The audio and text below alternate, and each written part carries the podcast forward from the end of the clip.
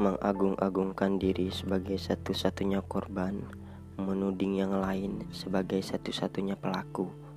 Masing-masing dari kita adalah korban dan pelaku, namun lupa untuk mengaku. Bukan sebab apa, tapi memang adanya demikian. Kenapa katamu? Jelas saja, seseorang tak ingin betul-betul disebut sebagai pelaku bila harus menanggung duka. Mana ada pelaku yang terluka? Tapi seseorang itu terang-terangan bersedia disebut korban. Kenapa lagi katamu?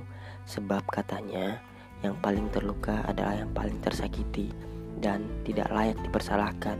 Jadi siapa yang benar dan siapa yang salah? Tak ada, sebab memang korban dan pelaku hanya ada di pikiranmu. Sebab keduanya adalah tokoh rekaan yang hadir sebab enigma kita pada dunia.